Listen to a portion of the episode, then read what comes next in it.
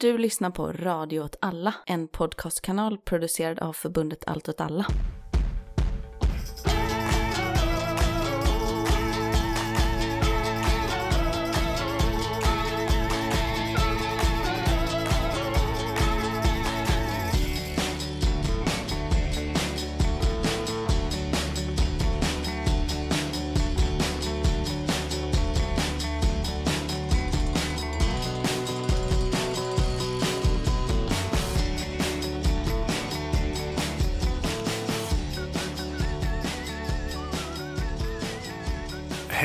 Hej välkommen till Rörelse. Udda krig och perspektiv. Med mig Martin Hansson. Och med mig Miriam Andersson. Hur står det till med dig? Det är bra med mig. Det var det, det var det hela. Det var det du bjöd på. Det är bra med dig. Jag har löst eh, ett ekonomiskt problem i mitt liv. Det känns skönt. Jag sa för typ en vecka sedan till dig, jag hatar mitt liv. Just det, jag minns det. Jag höll med dig. Eller jag var förstående. Du hatar också mitt liv. Men tables turned. Så nu är det bara du som hatar. Nu avundas jag dig ditt Ja. liv istället. Ja, men det är ju skönt för dig. Du har fått en inneboende. Det är väl det som har hänt. Absolut. Ja, grattis. Till Tack. både dig och din inneboende. Vi får väl se hur det blir med den saken. Men... Ni kommer ha en fantastisk resa. Om det är någon där ute som letar bostad och alternativt en livslång partner så kan de ju höra av sig. de, får, de får höra av sig till dig, då wettas där liksom en Ja, första precis. omgång. Precis. Inte till mig, tack. Ehm, Ja, hur är det med mig? Jo, det är bra med mig. Eller det, jag är bakfull. Jag har varit på kräftskiva igår. just det. Jag åt eh, mm, havskräftor och...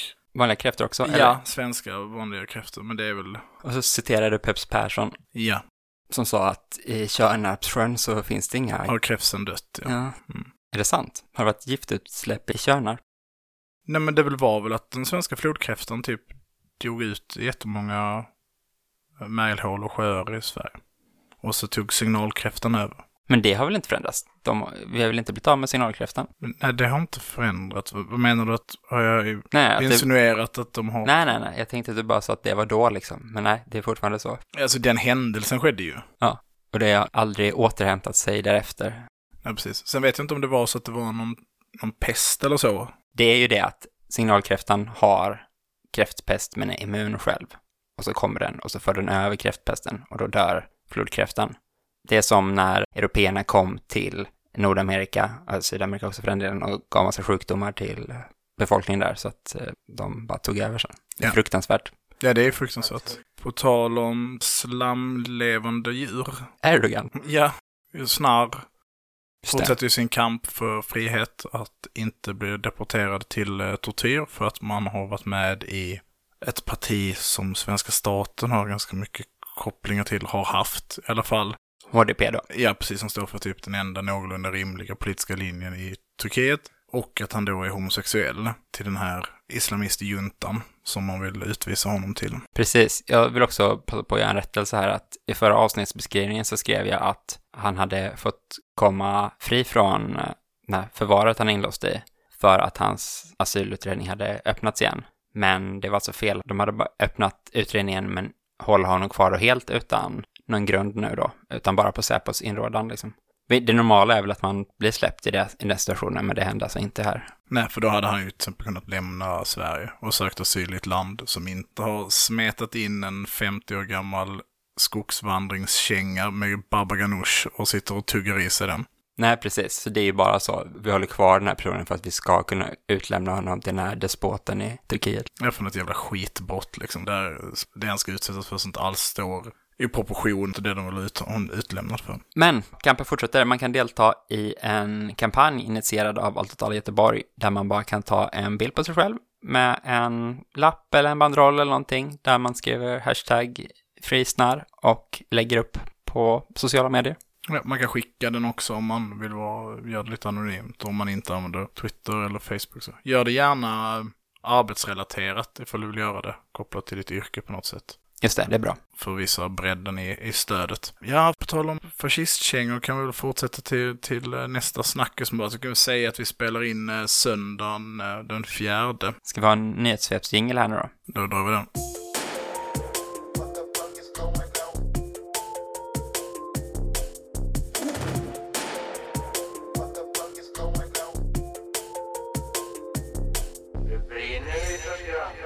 Ygeman och eh, Hultqvist hade den här ganska märkliga eh, presskonferensen nu i veckan, eller det var väl i fredags tror jag va? Ja, var det va? Och pratade om kopplingen mellan SD och Putin. Eh, liksom SDs ryssvänlighet. Det kan man väl säga mycket saker om. Ja, visst. Äger Putilov, hela den liksom grejen, kopplingen tar de upp. De pratar liksom om, om hur han har jobbat på liksom SDs kansli. Och att han då liksom uppenbart är att betrakta som en säkerhetsrisk, han får liksom inte besöka riksdagen och så.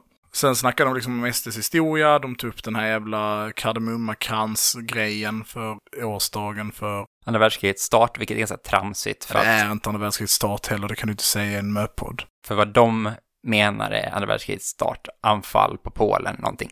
Alltså jag vet inte, när jag läste den mejlskicket så var det mer som att man sa, varför har de en 14-åring anställd i sitt kansli mm. som tycker det är andra världskriget vapen, spännande typ. Den grejen liksom. Han skrev ju inte någonting som man kan tolka som att han tyckte det var bra att Hitler-Tyskland anfall Polen. Liksom. Nej, nej, det, är till, finns ju vissa värdeladdade begrepp. Pratar om terrorbombningar och så liksom. Alltså, alltså nazistiska terrorbombningar, och det säger man inte ifall man hejar på nazister, det får man inte riktigt, riktigt sjuk i huvudet då. För de som inte vet vad det handlar om så är det alltså att någon som arbetar på Sverigedemokraternas kansli har skickat ut en inbjudan som är så andra världskrigets början minnesfika typ. Och så är det lång inbjudan. Skriven i en enda mening utan punkt och den använder massa så här konstiga gamla högtravande ord för att det ska låta så här typ roligt eller någonting alltså. Mm. Och då så har sossarna varit så.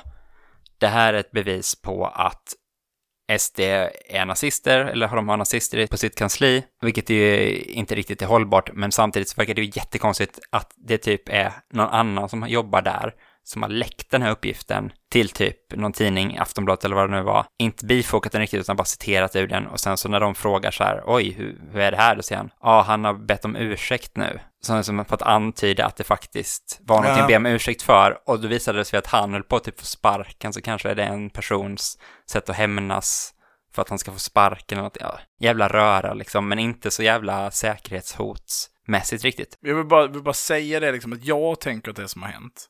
Mm det är att det har ju framkommit att den här personen som har skickat den här är polack, ska vi säga. Eller har på påbrå på något sätt. Jag tror faktiskt att Martin Kinnunen gick ut och sa att det är en polack, men hans ord, ja, är inte... Vad vet man? Ja. Jag tänker att det, att det är så här SD hela tiden. Att det här är ett genuint jättestort problem för SD. Och då menar jag inte kopplingen till Hitler-Tyskland. Utan att man har fått med sig massa jävla nysvenskar med i partiet som försöker vara så jävla svenska man bara kan. Och det finns ju bara två saker som är riktigt svenskt. Det här är hela fundamentet i vår kultur. Mm. Det är att vara extremt socialt awkward. Och bjuda folk på fika hela jävla tiden. För att kompensera det liksom. Så att han har ju bara gjort det. Han är så, jag antar att han, han har en sån liksom VM-Sverige-tröja på sig hela tiden på jobbet. För att vara mm. svensk liksom. Mm. Pratar ofta om hur vacker naturen är i Sverige. Och sen är han så, om de kommer gilla mig mer om jag bara gör det här som är svenskt. Och det är bara att bjuda folk på fika liksom. Och nu har de varnat honom för det. Det här gör det ju riktigt roligt. Tänk det här är så fruktansvärda panoptikon han är fast i. När han liksom bara försökt vara svensk. Ja. Och sen så är jag så här bara, men jag är ju polack. Det är ju liksom sedan 97 en officiell minnesdag. Liksom, men som nog mest är liksom en sån statsfirande grej liksom. Så är han så här, nej men jag är inte nazist. Jag vill ju bara fira det här är en riktig grej liksom. Och så är den så här, äh, vi varnar dig för det här nu. Men har jag gjort något fel? Nej, du har inte gjort något fel. Men varför varnar ni mig då? nej, men det ser jävligt dåligt ut. Kan ni inte bara förklara det? Nej, det kan vi inte bara. Det är ingen som kommer förstå det här för det är så dumt liksom. Du borde fatta. Vi är nazistpartiet i Sverige då kan vi liksom inte, vi kan inte göra saker som är kopplade till andra världskrig. Don't mention the war liksom. Precis. Och nu varnar de honom också, ja. liksom, där han bara har försökt assimilera sig genom att bjuda folk på fika liksom. Så det, jag tänker att den riktiga förloraren av andra världskriget, det är den här polacken. Okay. Ja. Mm. Det var din eh, poäng här, din punch i det här. Jag, jag, tror av... att, jag tror att du faktiskt ville prata om det här som en riktig fråga, men det var mest... Resten av presskonferensen skit. Uh. Nej, nej, nej, men visst, det finns väl saker att säga där. De, jag tycker att det kändes som en ganska oförberedd och dålig pressträff, liksom. Det är inte juicy nog för att ta det. Ygeman presterar väldigt dåligt i den. Hultqvist är bättre. De säger ju det här, det är ju det viktiga, tycker jag, vadå, som det finns en bäring på, är ju så här, deras representanter i försvarsutskottet, två efterföljande efter varandra under, jag inte, åtta år eller ännu mer, har varit han Jansson, va? Mm. Som är utesluten och sen så någon annan lallare som också är utesluten och båda de har efteråt uppdagats vara pro ryska liksom, alltså i den här konflikten. Alltså, de kanske inte uttalar sig att de älskar Putin, men liksom att de så här delar rysk propaganda och har åkt till Moskva och sådana saker också, typ på någon jävla vänskapsresa. Så, men det är ju ett jättestort case. Det var ju också känt sedan innan, så det var inte en nyhet konstigt att skicka också Ygeman och Hultqvist, de två som gjorde den här Transportstyrelsen fuck up-historien och hålla en presskonferens om Mm. det. Så, Ja, Just för att det känns ju lite som att det är Kardemumma-killen som har dragit igång alltihop. Eftersom att han nämns. Men om vi bara släpper det så kan man vara så. Är SD femtekolonnarna? Liksom, vi bara tar den frågan. Och här tror jag att man gör ett stort, stort misstag när man tänker på Sverigedemokraterna. Sverigedemokraterna gillar Putin eftersom att han framstår som en stark man som inte håller på och fjomsar och representerar liksom det traditionalistiska, men Jordan B. Peterson-skiten liksom om kulturkrig och värderingskrig och bla bla bla. Men med det sagt så tror jag att man ska förstå en sak om Sverigedemokraterna. Och det är att deras politik är fullständigt tom. De har inga principer. De är av princip principlösa människor och kan byta åsikt i vilken fråga som helst, hur som helst. När de säger att de är essensen av den svenska socialdemokratin så talar de sanning. De är liksom mentala kappvändare. De hade varit stalinister under Stalin, de hade deltagit i liksom maoistiska utrensningar, de hade varit falangister i Francos Spanien. Alltså de är liksom bara essensen av människor som kan tycka vad som helst för att få känna sig lite mäktiga. Så nu är de inte Putin-vänner längre. Det, jag tror genuint att de inte är det. För nu är det bara så, nej, nu ska man inte tycka det här längre. För inte ens den liksom simpla positionen att tro på liksom det här globala kulturkriget mellan väst och liksom Ryssland och traditionalismens återkomst och allt vad det är. Det jag tror inte de tror på det. De hatar invandrare och de kan tycka vad som helst som får det att passa. Det är som NATO-frågan, förstatliga grejer, ekonomisk politik som de bara skiter i. De tycker vad som helst. De tycker att kvinnor förtjänas att våldtas. Vi måste rädda kvinnorna från att inte våldtas. Araber slår sina barn. Man borde få slå sina barn. Det är liksom, de gillar inte Putin. Deras politiska liksom, drivkraft har ingenting med någonting annat att göra än någon typ av historisk revanschism kopplat till nationalidentitet. absolut. Jag har inte tänkt på så noga det här du säger, men det låter bra, jag bara köper det. Men, sen Bra. så finns det väl eh, massa lallare där. De är väl väldigt benägna att ha de här konspiratoriska grejerna. Åh, nu är all västmedia pro-Ukraina. Då ska jag sitta och kolla på VK och se videos där och där fick jag reda på att egentligen är det tvärtom och bla bla bla. Så då finns det liksom individer i Sverigedemokraterna som jag tror är jättepro Ryssland, jättepro invasionen och jättepro Putin bara för i någon sån weird konspirationsvärlds grej. Men absolut, jag håller med om det är väl inte en parti, som partilinje så är de ju helt ombytliga liksom. Men, men skulle du inte säga att den gruppen är större inom vänster? Så till skillnad från Sverigedemokraterna också är principfasta människor. Så de, de bara kör vidare på det här fast de liksom inte kan, eh, fast de förstår hur mycket det liksom, hur mycket blåst det ger på något sätt. Nej, jag tror inte den gruppen är större i vänstern faktiskt. Men alltså, den är väl större, någon konstig så fringe-vänster, inte vara med någonstans, sitta hemma och tycka saker. Nej, det är sant, det kanske är relativismen som är större. Mm, visst. För den, den finns Visst. ju liksom. Mm. Den är ju levande. Nej, jag vet inte. Jag kan ju fatta att man eh, inte är så intresserad av att ha de här människorna i någon typ av maktposition. Om man till exempel ska pyssla med försvarsfrågor. Eftersom också att det är en stor grupp idioter. Som är dessutom bara drivna av sin egen framgång. Vilket gör att de är väldigt lätta att muta till exempel. Eller honey-trappa på olika sätt och så. Känns ju som... Klockrent, absolut. Ja, precis. Jag tror inte det är någonting egentligen så här, de har inte fel i sak, eh, Hult. Hultqvist som är ute där och säger det är en säkerhetsrisk ifall SD skulle vara med i regeringen. Men det är också uppenbart att de liksom kommer med det utspelet där och då för att Kardemumma-mannen har bjudit in till den här fikan. Och då tror de att de ska kunna göra en poäng i valrörelsen och få mer röster på något sätt. Liksom att, så som är ju inte heller utan någon sån genuin välvilja eller någonting, utan det är väl valspel liksom. Okej, vi får gå vidare från det. Jag tänker att det kan vara värt att kommentera eh, Kazon-offensiven eller motoffensiven i Kazon eller vad vi nu ska kalla den eftersom att vi för en vecka sedan satt och sa att den inte skulle hända. I ärlighetens namn så sa vi väl, vi vet inte ifall den kommer hända eller inte, men det är mycket som säger att den borde ha kickat in redan ifall den ska hända och sånt. Ja. Så kickar den in tre dagar efter vi sände avsnittet eller någonting. Precis. Det är fint att du tänker att vi ska kunna skydda oss bakom det. Jag tänker att man får vara lite så att jag ska fortsätta in, inta min position här då. Jag är inte säker på att det är Kazon-offensiven, den stora Kazon-offensiven eh, vi ser just nu. Det är mycket möjligt att det är det. Det vi ser är en ny offensiv som Ukraina eh, inte har gjort på ganska länge. Det är uppenbart att det finns liksom en kraftsamling. De har haft vissa territoriella framgångar. Det är tydligt att internet inte riktigt klarar av att hantera hastigheten saker sker i. Det här är liksom beroende på vad de operationella målen är så är det här någonting som kommer sträcka sig över väldigt lång, liksom, det kommer ta lång tid att genomföra den här typen av operation. Om jag får ge mina fem cent om vad jag tror det är som händer, om vi tänker på att, det, att vi ser är en större operationell offensiv för att i slutändan eh, få återta Kherson, om det då är det vi tittar på. Så måste vi antingen titta på en falsk offensiv, alltså att det vi ser, den här liksom platsen man har brutit igenom på är den svagaste punkten i den ryska frontlinjen. Ukraina är tvingade att anfalla där fienden är som svagast eftersom att de inte har då den typen av övertag som krävs för att kunna slå där fienden är starkast. Ett förintelseslag då, helt enkelt. Utan är tvungna till att eh, försöka få försvarslinjen att kollapsa så där anfaller man på en punkt, tvingar ryska trupperna att mm, försöka stoppa den offensiven genom att dra till sig resurser och flytta över och fokusera på att hantera den.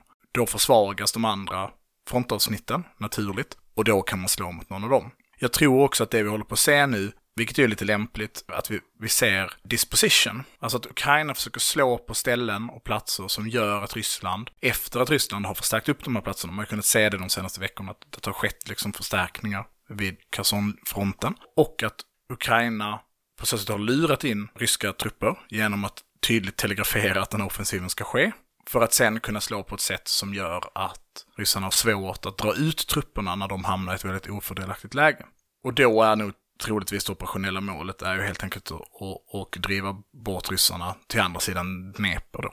Det innebär att vi inte kommer att se ett anfall mot Kherson enligt den här teorin. Utan Kazan ska tas genom att utmanövrera ryssarna, att tvinga dem att lämna Kazan. Mm, ja, men pratade vi inte lite om att det var som en möjlig variant förra veckan också? Men du säger att eh, det är en hastighet som inte passar med internet, alltså att man vill ha uppdateringar dag för dag vad som händer och så liksom. Och så kan man inte riktigt få det för att det verkar vara en väldigt hård ukrainsk... Opsek. Ja, att de inte berättar om vart de har kommit och sådana saker. Och även så här folk som är på Twitter och gör olika kartor och ritar och sådana saker utgår ju väldigt mycket från ryska uppgifter nu när de beskriver vad som händer och så.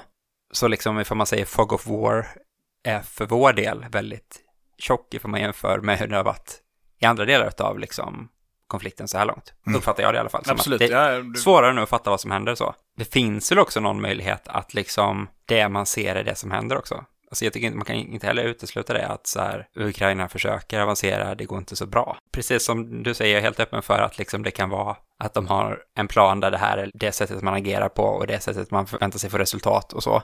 Men jag kan inte säga att det inte skulle kunna vara så att de försöker komma fram och det går inte heller, liksom. Att det är en möjlighet. Det är absolut en möjlighet. Det är också som att, eh, jag har ju skrivit lite om det här tidigare, men, men jag läser inte vad jag skriver, men att det är också så att Ukraina kanske rent politiskt inte klarar av att vara helt tydliga med kostnaderna för att genomföra offensiva operationer.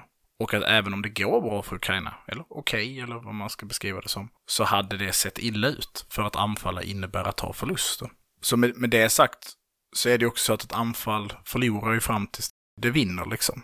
Att det går segt i början, det har vi också pratat om tidigare. Försvaret håller som bäst i början och sen avtar den förmågan med tid. Eftersom att fienden då kan koncentrera trupper och verkanseld i större utsträckning. Men vi har faktiskt anledning att återkomma till det här, den här diskussionen senare i avsnittet när vi har tagit oss in igenom huvuddelen. Så jag skulle gärna säga att vi tog mm, oss dit. Absolut.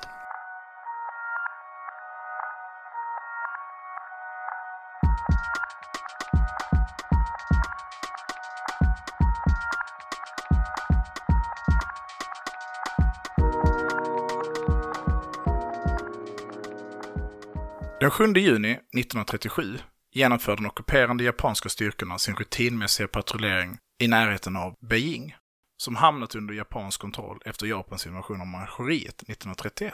En av de japanska soldaterna saknas och antas ha deserterat in i den muromgärdande stadsdelen Wanping. Detta används som en ursäkt av Japan för att återigen kunna ta territorie och när den kinesiska garnisonen vägrar låta japanska trupper söka igenom stadsdelen så utbrister strider som trots att det blir en vapenvila och att den försvunna soldaten återvänt, fortsätter eskaleringen och leder fram till det man kallar det andra kinesisk-japanska kriget. Japan hade tagit delar av Kina löpande efter att de intog Manchuriet. Det förstod att Kina var teknologiskt underutvecklat, men kunde utgöra ett stort hot gentemot kejsar-Japans expansiva politik ifall de fick möjligheten att utvecklas. Japans mål, när det stora kriget bröt ut, var att uppnå förintelseslag och helt radera republiken Kinas stridsförmåga. Det fick de aldrig. Som ett mindre land var Japan tvungen att söka den typen av strategi. När Kuomintang vägrade att sluta fred och överlämna mer mark, utan istället fortsatte kriget, så fick Japan istället fokusera på att söka slå ut Kinas ekonomi och begränsa deras stöd utifrån. Kuomintang anpassade sig efter situationen och flyttade ständigt sitt maktcentrum. Beijing till Ninjang, till Wuhan, till Chongqing. Och de tog till drastiska metoder för att sakta ner Japans offensiver. 1938 så spränger de dammarna till Gula floden för att sakta ner en japansk offensiv. Detta kostade den kinesiska civilbefolkningen mellan 500 000 till en miljon döda och 10 miljoner interna flyktingar i landet. Samtidigt så utsätts Japans flank av kommunistpartiets grillakrigsföring. Det som också är känt som 100 Regiments Offensive. Japan hade mycket riktigt lyckats styrka den kinesiska krigsförmågan, men Kina hade lyckats etablera transportleder till allierade i väst, både från hamnar i franska Indokina, Haiphong, och i Burma, Rangoon. Därifrån fick Kina resurser nog för att kunna upprätthålla kriget. Japan gick in och ockuperade Indokina.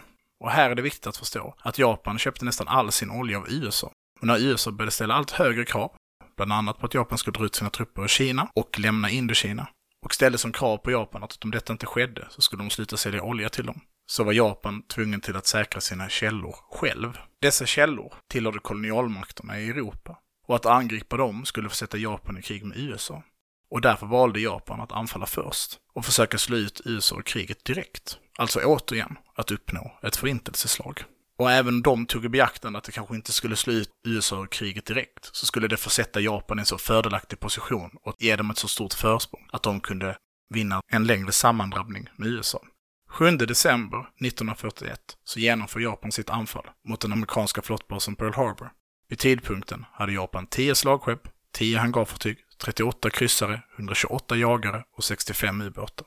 USA hade i sin tur 10 slagskepp, 3 hangarfartyg, 44 kryssare, 93 jagare och 71 ubåtar. Det är rätt jämvärdiga siffror.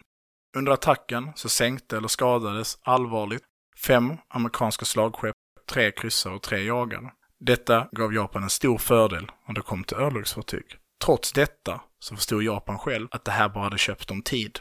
För samtidigt så hade USA under produktion, eller planerat, 15 nya slagskepp, 11 hangarfartyg, 58 kryssare, 191 jagare och 73 ubåtar. Idag ska vi prata om utnötningskrig. Så vad är då ett utnötningskrig? Vi har pratat om olika begrepp, vi har pratat om förintelseslag, vi har pratat om disposition, indirekt manöverkrigsföring. Utnötningskriget har ju nämnts flera gånger under den här miniserien vi håller på med, med olika strategiska begrepp. Och utnötningskrig kommer också med ett syskonbegrepp, precis som förintelseslag och indirekt krigsföring. Och utnötningskrigets syskonbegrepp är utmattningskriget. Och jag tänker att det ska få ett eget avsnitt. Men det kan vara värt att nämna. Också för att tydliggöra vad skillnaden är, så är att utnötningskrig handlar i all enkelhet om att slå ut fiendens styrkor snabbare än vad de kan ersätta dem. Och på så sätt med tiden uppnå en kollaps hos fiendens förmåga att föra krig. Medan utmattningskriget då snarare handlar om att bryta ner stridsviljan hos fienden. Men utmattningen är då alltså att stridsviljan hos befolkningen är stort, liksom, att man vill inte stödja det här kriget längre, man orkar inte liksom, man vill hellre ha fred på dåliga villkor än fortsatt krig helt enkelt. Ja.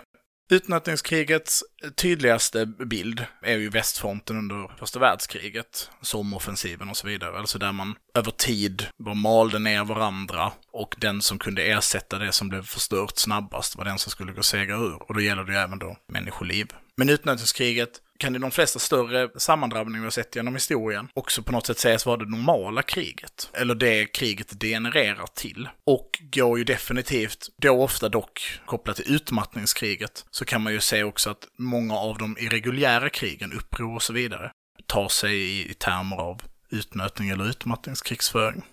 Okej, okay, men som du beskrev det nu och ja, med västfronten så tänker man att det är stillastående fronter. Men det här exemplet med Japan och Kina du pratar om lät som att det var mer rörligt ändå liksom. Det är inte direkt det det handlar om, men finns det liksom någon generell grej man kan säga att det tenderar att bli det ena eller det andra? Hur? Till skillnad från manöverkrigsföringen så är ju utlandskriget mer statiskt på det sättet att det handlar om mycket större, både att kriget sker på en mycket större skala för det spelar inte så stor roll vem som tog kullen, eftersom att det enda som spelar någon roll är hur mycket det kostade att ta kullen och hur mycket det kostade att förlora kullen vad gäller krigsmateriel. Det spelar ju det som händer då i andra Japan-kinesiska kriget är ju att även om Kina förlorar massa mark och får retirera på väldigt stora sträckor, så i slutändan så kostar de japanska vinsterna för mycket. Och här blev väl parallellen jättetydlig till Operation Barbarossa till exempel, att inledningsskedet av Operation Barbarossa är ju liksom häpnande hur väl tyskarnas manöverkrigsföring fungerar, hur de omringar och förintar röda medförband på liksom flera hundratusen till miljontals soldater som tas till fånga eller dödas. Men att dessutom spelar det väldigt lite roll och det kopplar ju då till det moderna kriget tänker jag att det finns en, en viktig tanke. Och det är ju till exempel hur man förhåller sig till krigsmateriel. En vanlig liksom diskussion är ju till exempel då vilka stridsvagnar som är bäst på olika sätt. Det är en... vanlig vissa kretsar, ganska snäva kretsar, men ändå. Ja, precis. Men, men det är en, en vanlig diskussion och så, i detta så ställs ju oftast då, det är väl tre vagnar som brukar tas upp, eh, framförallt och kopplat till andra världskriget och då har man ju M4, alltså Sherman, den amerikanska Sherman-stridsvagnen, man har Panthern.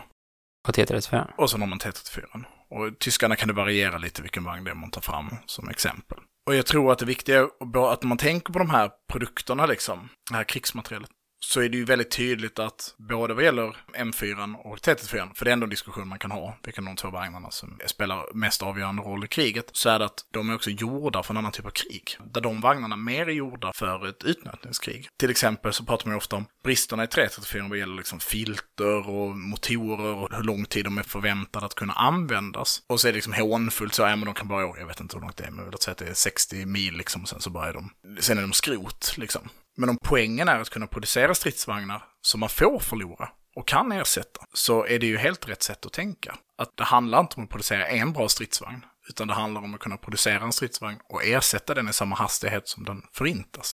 Och om man då tänker att utnötningskriget på något sätt är standarden för krig, då blir det ju igen att kriga logistik och produktion. I USA till exempel då, som ju på många sätt var väldigt krigsavgörande även i det europeiska kriget, handlar ju om att deras produktion var ostörd under hela kriget. De kunde fortsätta producera transportfartyg, fortsätta producera stridsvagnar, fortsätta producera handeldvapen för deras industri. Och deras arsenaler i USA är ju liksom, man brukar veta typ om det är Chicago eller om det är Detroit, jag minns inte, men det är en av de här städernas arsenal som producerar liksom mer stridsvagnar än vad hela Tyskland producerar under hela kriget. Alltså att den produktionstakten blir viktig.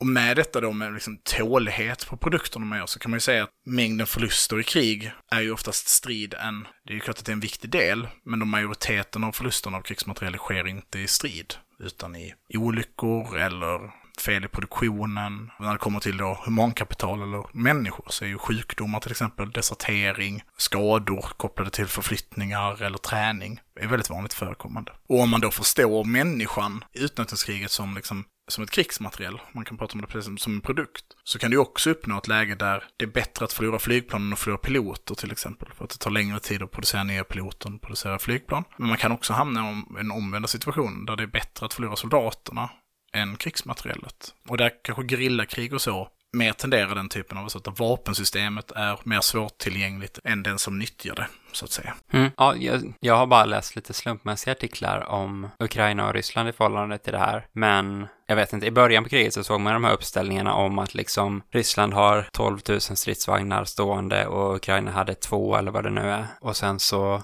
är det ju så, ja nu rullar de fram sina gamla T64 ur förråden, ryssarna och så liksom, och har de slut på sitt riktiga material och det ena med det tredje. Men, och sammanställningar har väl visat så att man har som dokumenterat, jag 2000 förluster av ryska stridsvagnar eller någonting. Och då tänker man, okej, okay, de förlorar jättemycket material. Men samtidigt då, ifall man tänker på det här att Ryssland hade 12 000 då och tillgå från början, så vet jag inte alls hur rätt de siffrorna är, men i den storleksordningen liksom, jämfört med Ukrainas, ja, 2000 eller 2500 eller vad det nu var, och jag tror när jag såg något uttalande om att Ukraina säger att de har förlorat hälften av all, alla sina stridsvagnar själva. Liksom. Då förstår man ju det att okej, okay, if, ifall det går lika lång tid till och Ryssland tar lika mycket förluster, då har de förlorat ytterligare 2000 och då är de nere på 8000 stridsvagnar. Ifall det går lika lång tid till och Ukraina tar lika stora förluster, då har man förlorat alla sina stridsvagnar, då har de noll stridsvagnar kvar. Då spelar det ingen roll att de proportionellt slår ut dubbelt så mycket stridsvagnar som Ryssland gör för att de kommer ta slut snabbare ändå liksom. Och det är ju inte ens produktion då, utan det är bara vad som fanns i lager från början, för jag tror att den produktionen av stridsvagnar i Ryssland och Ukraina är väl ganska obefintlig båda två antagligen. Man vet väl inte riktigt, det kommer ut mycket saker. Den, den ukrainska stridsvagnsproduktionen är nog obefintlig eftersom att Ryssland riktade in sig ganska tidigt på att försöka slå ut militärindustrin i Ukraina. Sen går den ju att sätta upp och omförflytta och så, men man får ju intrycket av att de framförallt förlitar sig på donerade T72 från Polen nu. Till exempel om vi tar då Kherson-offensiven till exempel så är det ju tydligt att det är de här polska T72 med polska uppgraderingskit är de som används eh, flitigt. Vad gällande Rysslands produktion så tänker jag att man läser mycket om den och man börjar väl bli ganska trött på de här olika nu får de slut på grejer eh, diskussioner, liksom, eller hot takesna som har pumpats ut nu sen vadå vecka ett. Att nu var robotarna slut och så, så de skjuter fortfarande robotar. Nu läste jag en artikel som handlade om att typ de ryska granaterna till sina artilleripjäser och piporna till dem borde börja sina och att kanske bara till årsskiftet så, så borde de kanske vara slut liksom. Eller att det kraftigt påverkar Rysslands krigsföring. Det är mycket möjligt att det är så. Det är bara att vem vet? Vem vet hur liksom hög den här produktionen är och samtidigt så är det ju så att det, det skjuts ju enorma mängder granater. Alltså absurt. Och det är klart att det kan vara svårt att upprätthålla den produktionstakten. Eh, också rent logistiskt att få ut dem till plats. Och de här HIMARS-angreppen där man har satt ut ammunitionsdepåer och så, eh, hur många har förstörts där liksom och vad vet vi om det? Och självklart så har ju sanktionerna eh, mot Ryssland påverkat deras förmåga att producera krigsmateriel generellt. Det råder det väl ingen tvekan om. Men i den här relationen så är ju Ukraina Tyskland och Ryssland i USA, om man tar parallellen till andra världskriget.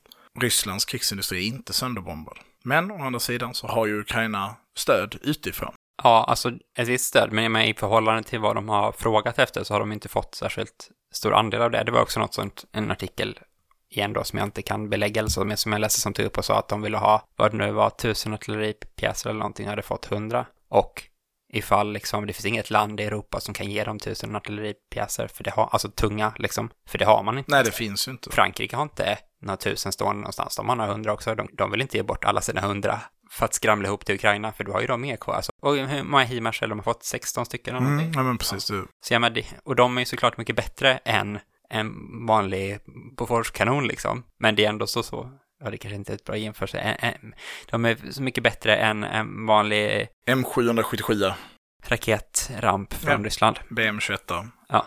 Men till slut kommer ju de 16 vara utslagna också liksom, antagligen. Det är inte tusen liksom. Nej, och det, det spelar ingen roll för de är bara 16 och de kan bara skjuta en viss mängd raketer. I timmen liksom. Ja, precis. Ja. Alltså de här liksom små supersystemen lider ju av den nackdelen att de kan inte vara överallt. Och det de kan göra uppenbart är att då göra de här precisionsträffarna som är viktiga logistiska knutpunkter och då den här bron över till Cherson som jag har insett att man ska säga då. Okay. Mm. Det är klart att det spelar jättestor roll, mycket mer än att träffa massa andra platser, men det slår ju fortfarande inte ut den mängden liksom materiell och trupp från Ryssland som flera hundra raketsystem kan göra. Liksom.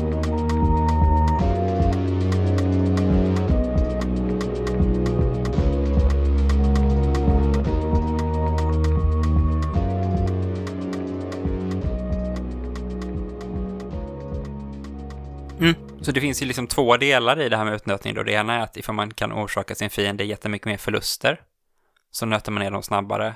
Och det andra är, kan man producera jättemycket mer materiell så spelar det ingen roll riktigt förlustsiffrorna så länge det bara finns någon sorts proportion att båda förlorar lite i taget liksom. Eller att båda förlorar materiell parallellt. Ifall du bara har jättemycket högre produktion då så spelar det ingen roll att du har 1 till 10 förluster eller någonting liksom att du kommer ändå mala ner de andra till slut. Finns det någonting generellt man kan säga om liksom vad som är viktigast, produktion eller liksom förmåga att orsaka proportionellt jättemycket högre förluster? Finns det någon logik man kan tänka kring där? Nej, men om man, man tittar på de liksom, historiska utnötningskrigen, och nu blir det ju svårt utan att ta utmattningskrig också i behärskande, men vi kan ju ta andra världskriget till exempel. Tyskarnas ratio mellan utskjuten fiende och förlorad stridsvagn är helt bizarr.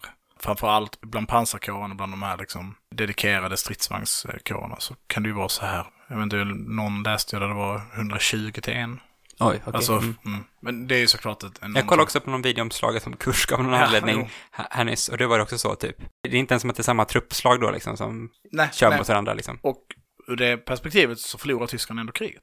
Mm. Alltså det spelade, det spelade liksom ingen roll. Och här blir ju då Att det har med uthållighet av befolkningen att göra, men också att produktionstakten är extremt, extremt viktig. Och hur man krigar. Men då kan man ju säga, det som är spännande med det här rent generellt då, för att förstå krig, är ju att det handlar ju om att uppnå liksom en medelnivå i kriget. Där du åsamkar fienden mer skada än vad de kan ersätta. Det måste liksom inte ske på alla platser. Nej, just det. Utan du kan ha platser där du tar större förluster om det generella läget i kriget är till din fördel. Det är bara viktigt att vi håller det här området nu i Cherson då, exempelvis. För då kan inte Ukraina skicka sina trupper till Donbassfronten istället. Och då kan vi ha en mycket högre utnötningstakt på dem där. Och då så till slut så kan det liksom bryta. Kan vara ett ryskt perspektiv då. Precis. Och det omvända då. Kherson är inte så viktigt att ta. För Ukraina liksom. Nej. Utan de drar dit ryska trupper från Donbassfronten så att de slipper ta så höga förluster där kanske. Att det bara är som får Ryssland att omplacera sina trupper. Att det är det som är strategin egentligen.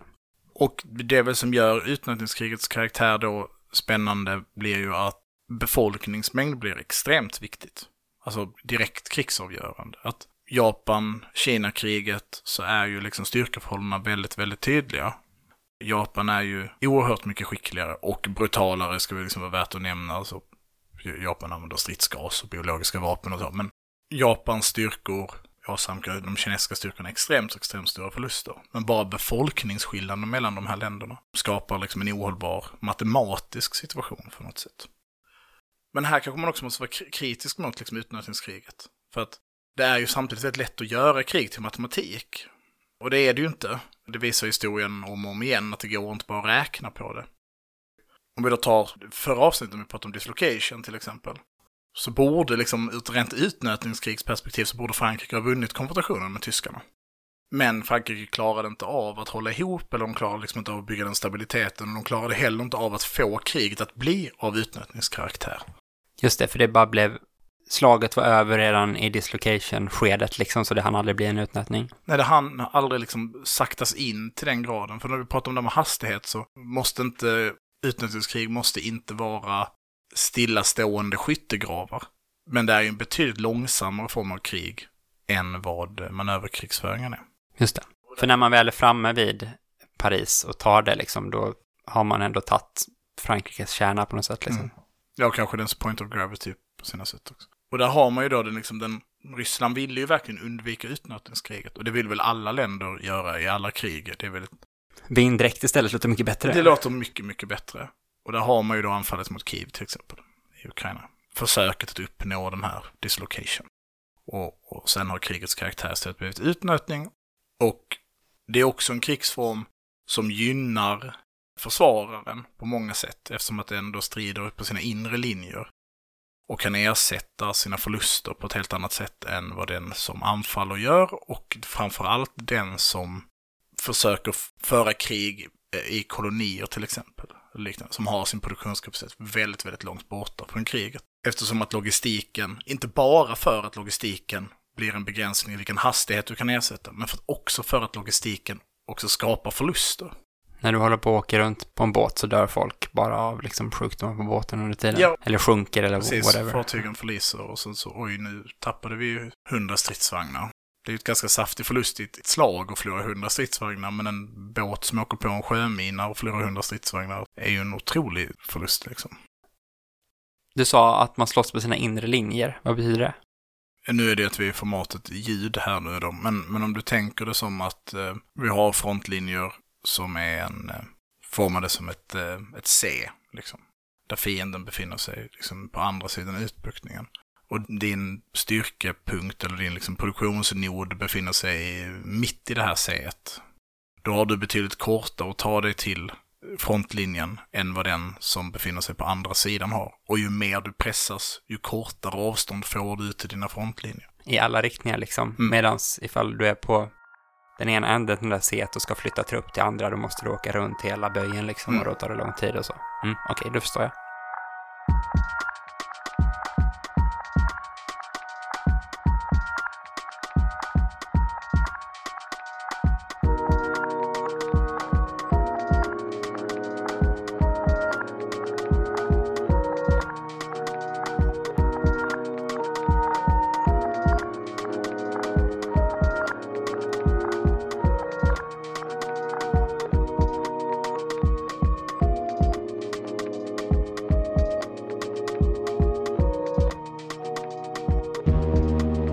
Okej, men ifall man ska bara återvända till den här Cherson-grejen ändå och tänker på det här då med att liksom Ukrainas produktion kanske inte är så mycket produktion som förmåga att få donationer utav andra länder liksom.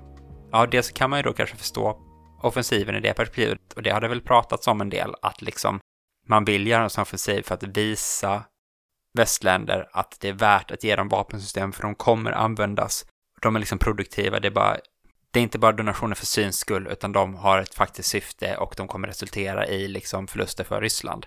Så därför är det viktigt på något sätt att, att visa att man använder det man får. Så det är väl en sak vi kan prata om. Men sen så den andra frågan då kanske är, finns det historiska exempel på där det liksom varit den centrala, där det inte är produktion utan liksom stöd utifrån som bygger upp ens förmåga att ersätta förlorat material istället för egen produktion. Ja, jo, det gör det ju. Bara säga det snabbt där, vi har ju sett nu hur, hur Ryssland har erövrat och eh, liksom fraktat iväg de här nederländska pansarbandvagnarna som de har fått. Eh... Trupptransporter? Mm, mm. Precis. Alltså att man har tagit några stycken sådana, det har man mm, sett på Ja, bild. jag vet inte, jag, jag har sett två kanske tror jag på.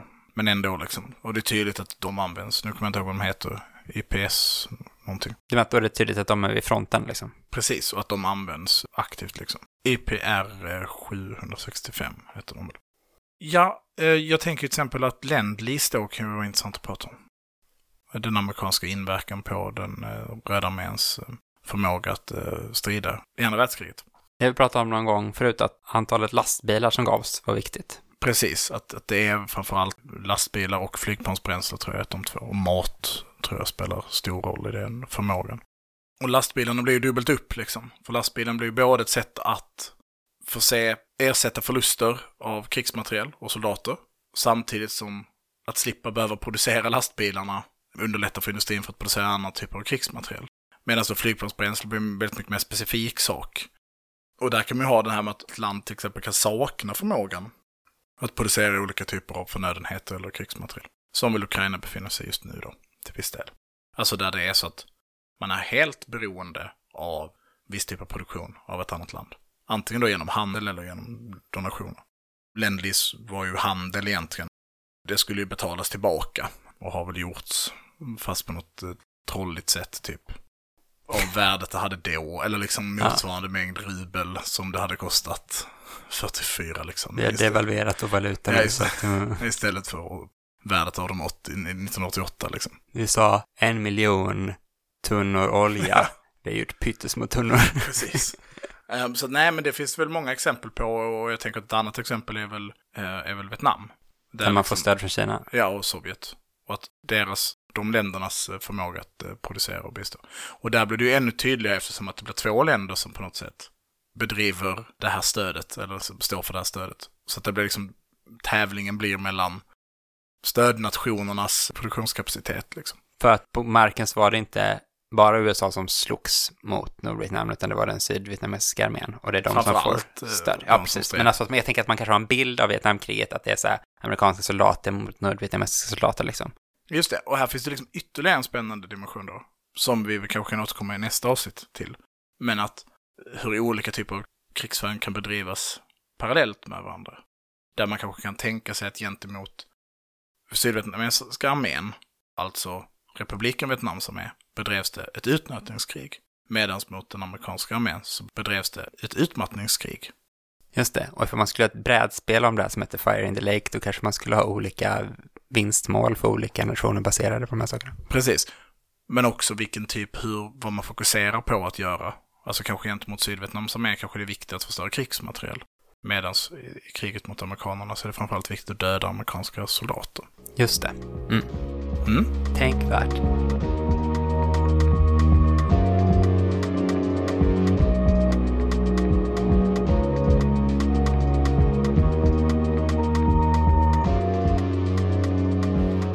Okej, men vad tror du vi kommer se då i den här just aspekten av donerat krigsmaterial till Ukraina liksom? Har du någon känsla för det? Det har väl varit mycket med också att man har donerat gammalt och sovjetiskt material från Polen och andra länder som har det liksom.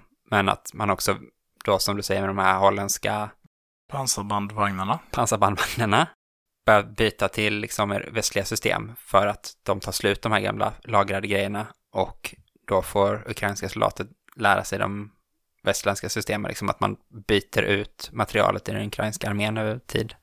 Ja, och där har framförallt eh, sett vi gällande artilleri. Att USA donerade ganska stora mängder eh, lastbilsdraget eh, artilleri.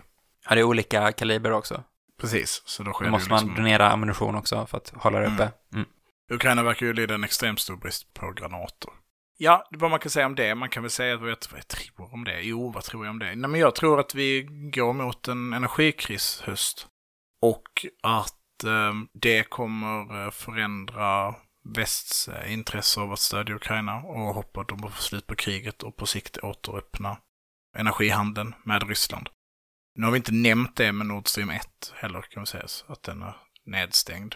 Mm. Vilket ju, det finns ju en väldigt märklig grej i det bara, att så att till slut säger Ryssland, nu ska vi sluta sälja till er liksom.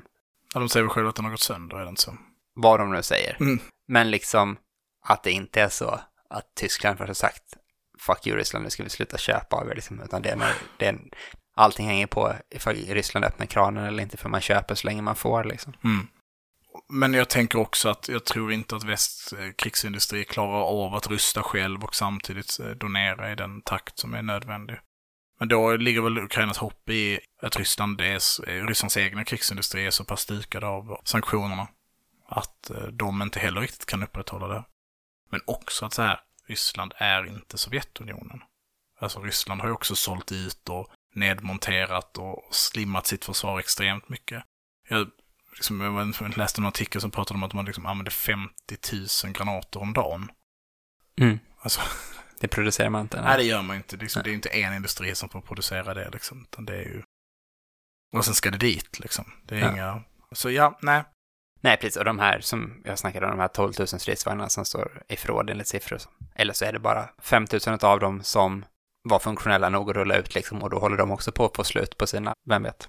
Ja, och att Ryssland har andra platser. De behöver ha sin försvarsmakt. Ukraina har ju bara ett ställe de behöver ha det på. Det är ju till gränsen mot Ryssland. Ja, och lite mot Belarus ska väl också sägas då till rättens namn. Ja, och vad fan var det jag läste nu alldeles nyligen också? Att Orban hade varit ute och tjatat om att någon del av Ukraina egentligen är ungerskt nu igen. Vilket är så, så jävla fult och bara vara så, mm, nu kanske det är ett läge att göra territorieclaims mot Ukraina så typ bara. Ja, det är väl att Ungern förlorar massa mark efter att Österrike-Ungern losar första världskriget. Ja, ja, det finns delar av Ukraina som har en befolkning som huvudsak mm. talar ungerska och så liksom. Så, så det finns ju liksom någon sorts, alltså, inte rättmätigt claim skulle jag inte säga, Nej. men det finns, ju no, det finns ju en anledning till att han har det där revanschistiska då liksom. Mm. Fokuset, men liksom det är verkligen så här typ alla andra så här europeisk enhet, bla bla bla, eller i vilken utsträckning man kan föra Tyskland och så verkligen tycker det, men man ändå så säger man ju liksom det som ute tillsammans. Och ungen bara, och nu är Ukraina riktigt svagt, så nu kanske vi skulle be om... Ja, eller Tyskland passar på att kräva lite polskt territorium tillbaka. Å andra sidan gick väl Polen ut och typ också Tyskland ska betala krigsskadestånd till Polen på någon så här tusen miljarder euro, eller vad det var. Ja. ja. Det måste ju mest vara symboliskt, så här, fuck you, för att det vet de att de kommer inte göra. Nej, Eller för de kanske gör en deal, möjligtvis, ja. för att de ska tysta med en mindre mängd pengar. Men så här, kan ni ge hela ett BNP till oss? Liksom, bara, nej. Ni också. ni. Ja, vi får avrunda där. Klockan har gått. Tack så jättemycket för att ni har lyssnat. Tack till våra jingelmakare. The, The Culture in Memorial som har gjort vår uh, introjingel. Felix Wickman, tack Felix Wickman för uh, klippjingeln. Och uh, Strictly Lover för uh, nyhetssvepen jingeln. Tack så mycket. Tack så mycket. Man kan följa oss på sociala medier, såsom Twitter, där heter jag Torkan1337, du heter att. Man kan följa oss på Facebook, där heter vi Eld och rörelse. Man kan följa oss på Instagram, där heter eld.och.rörelse. Man kan eh, köpa vår t-shirts i Allt åt allas webbshop. Gör det. Är ni snälla. Då kommer producent Kalle bli så glad. Ja. Och praktiken också. Mm. Jag tog en till den godisar som låg här. Det är därför jag smackar nu. Ja, jag får lite sån ASMR-grej här på slutet. Um, vi, det är val snart, vi har inte pratat om det. När det här släpps är det bara några dagar innan valet. Jag uh, är helt ointresserad av att prata om det. Så, så jag vill inte göra det. Uh, Fuck you alla politiker. Nej, Jag lider med, jag tycker synd om mig. Tack så mycket för att ni har lyssnat. Tack och hej. Ha det fint. Hej då. Hej. Hej.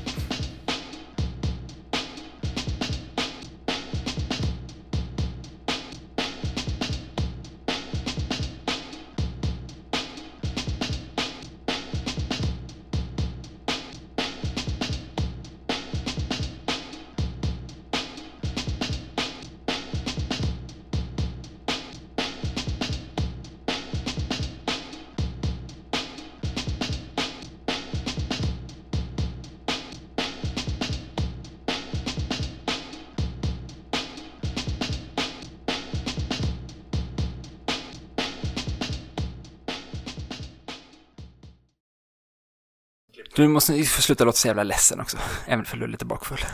Det låter ju ledsen. Du låter så här, ja. Okej, det... jag får